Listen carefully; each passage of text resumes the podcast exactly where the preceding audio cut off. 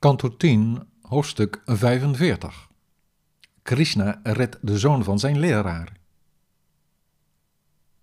Sri Shuka zei: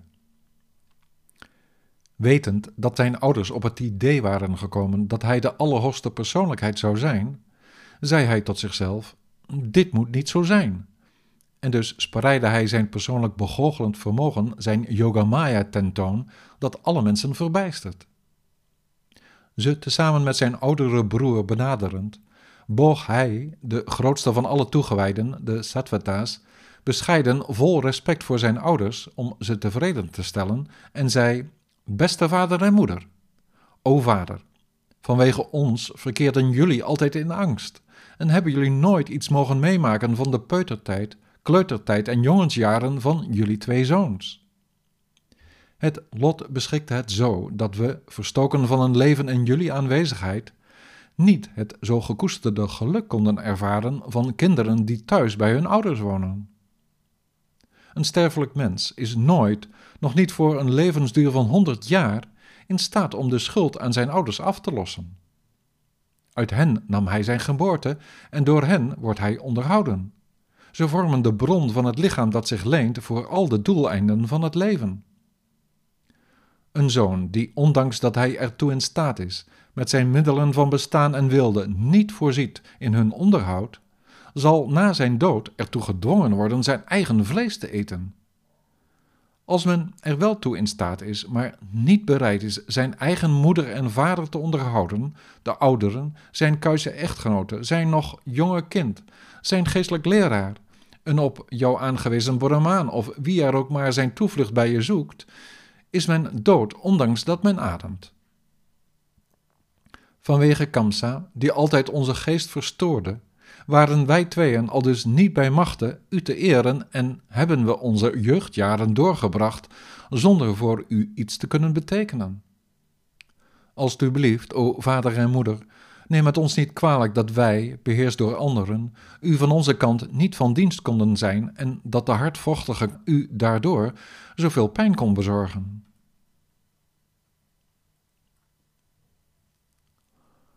Sri Shuka zei. Alzo bevangen door illusie vanwege de woorden afkomstig van hem, de Heer en ziel van het universum, die middels zijn Maya verscheen als een menselijk wezen, tilden ze hen op hun schoten om de vreugde te kunnen ervaren ze te omhelzen. Gebonden met het touw van genegenheid, plengden ze een stroom tranen en konden ze, overmand, verstikt door tranen, geen woord meer uitbrengen, o koning de Allerhoogste Heer, de zoon van Devaki, die al dus zijn ouders op hun gemak stelde, stelde toen zijn grootvader Ugrasena aan als de koning van de Yadus. Hij zei tegen hem: Alsjeblieft, o grote koning, neem met ons als uw onderdanen de verantwoordelijkheid op u, omdat vanwege de vloek van Yayati men geboren als een Yaru niet op de troon behoort te zitten. Als ik er ben als een dienaar om u te dienen, zullen de halfgoden en zo meer zich voor u buigen om u de eer te bewijzen. En wat mag je dan verwachten van de andere bestuurders van de mensen?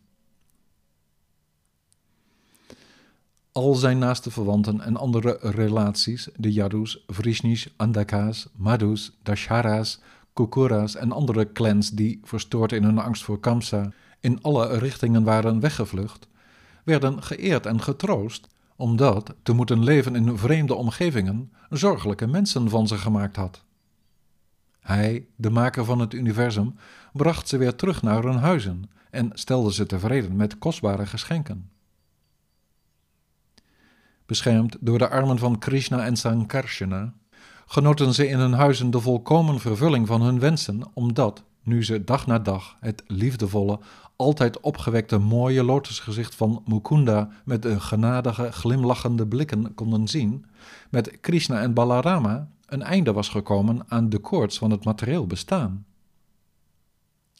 Zelfs de ouden van dagen waren jeugdig en vol van kracht en vitaliteit, nu ze daar in Mathura via hun ogen telkens weer de nectar van Mukunda's lotusgezicht in zich op konden nemen.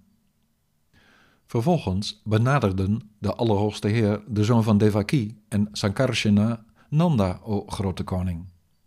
Ze omhelsden hem en zeiden: O vader, met de grote genegenheid en het geknuffel van jullie twee hebben jullie ons op grootse wijze gekoesterd.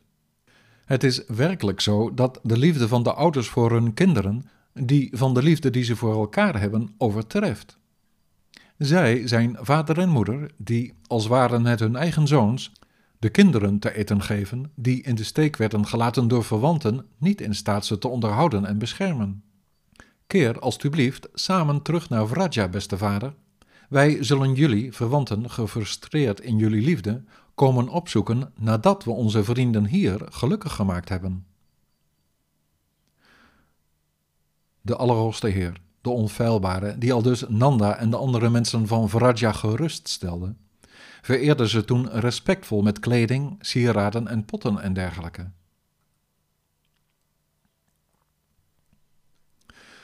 Al dus toegesproken, omhelsde Nanda zo overmand door emoties met tranen in zijn ogen en ging hij samen met de Gopas naar Vraja. De zoon van Shurasena, Vasudeva, o koning, liet toen een priester en brahmanen, zoals het hoorde, de tweede geboorte-initiatie van zijn zoons uitvoeren. Hij schonk hen in eerbied, ter vergoeding, geheel opgetuigde koeien met gouden kettingen en versieringen, compleet met kalveren en linnen strikken. Grootmoedig schonk hij hen in liefdadigheid de koeien die waren weggestolen door Kamsa, dezelfde koeien die hij in de geest al had weggeschonken de dag dat Krishna en Rama werden geboren. Na initiatie in de status van het tweemaal geboren zijn, legden zij, die van de juiste geloften waren, de gelofte van het celibaat af om een student te zijn bij Garga, de leermeester van de Yadus. De heren van het universum, die de oorsprong zijn van iedere vorm van kennis, verhulden in hun menselijke activiteiten de perfectie van hun alwetendheid, die niet berust op enige kennis van buitenaf. Ze verlangden het toen niettemin om te verblijven in de school van de guru en benaderden Sandipani, geboren in Kashi, die zich ophield in de stad Avanti. Hij, die zo het gezelschap van die zelfbeheerste zielen verwierf, werd door hen gerespecteerd als was hij de Heer zelf. Daarmee vormden ze in een toewijding een onberispelijk voorbeeld van dienstbaarheid aan de leraar.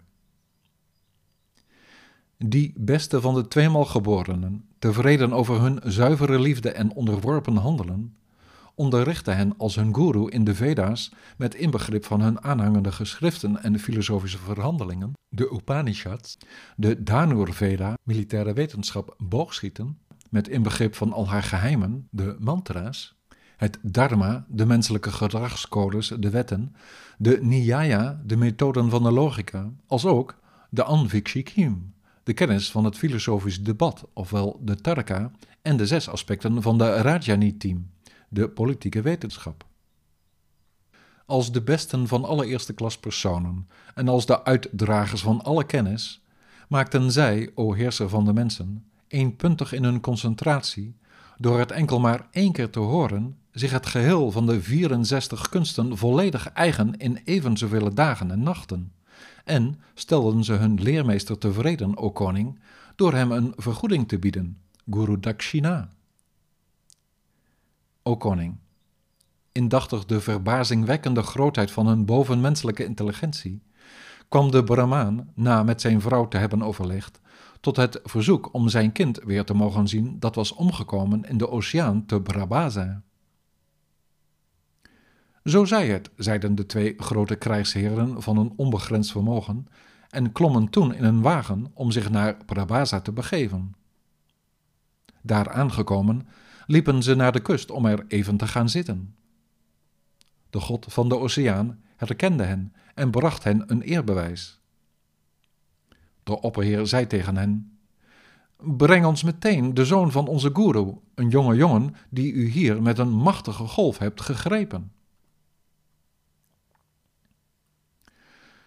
De persoon van de oceaan zei: Het was niet ik die hem heeft meegenomen, o Heer.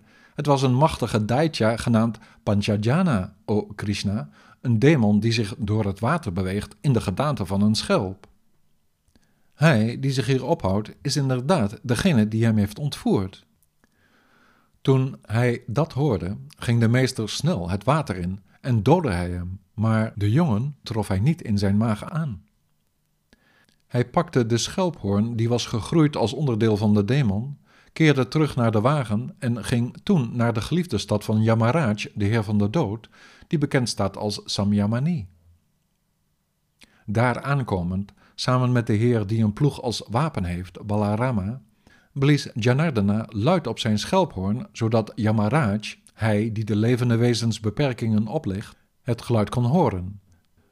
Overlopend van toewijding bewees Yamaraj hen uitgebreid de eer en zei hij, nederig zich verbuigend voor Krishna, die zich in ieders hart ophoudt, Waarmee kan ik jullie twee van dienst zijn, o Vishnu, die, als uw spel, bent verschenen in de gedaante van twee menselijke wezens?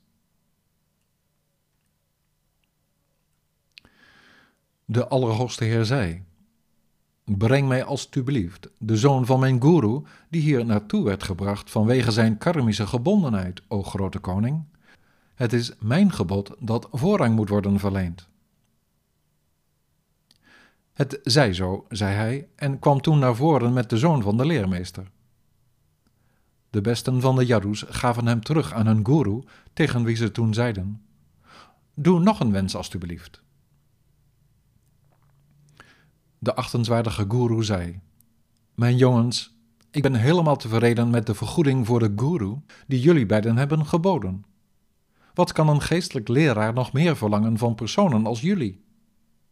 Alsjeblieft, ga naar huis, o helden. Mogen jullie faam de hele wereld zuiveren en mogen de mantra's, jullie verschijningsvorm en verrukking, steeds weer nieuw zijn in dit leven en in het leven hierna. Al dus vertrokken met instemming van hun guru, bereikten ze hun stad op hun wagen, die zo snel was als de wind en zo donderde als een wolk. Al de burgers, die Balarama en Janardana zo vele dagen niet meer gezien hadden, waren blij hen weer terug te zien, alsof ze een verloren gegane schat weer hadden teruggevonden.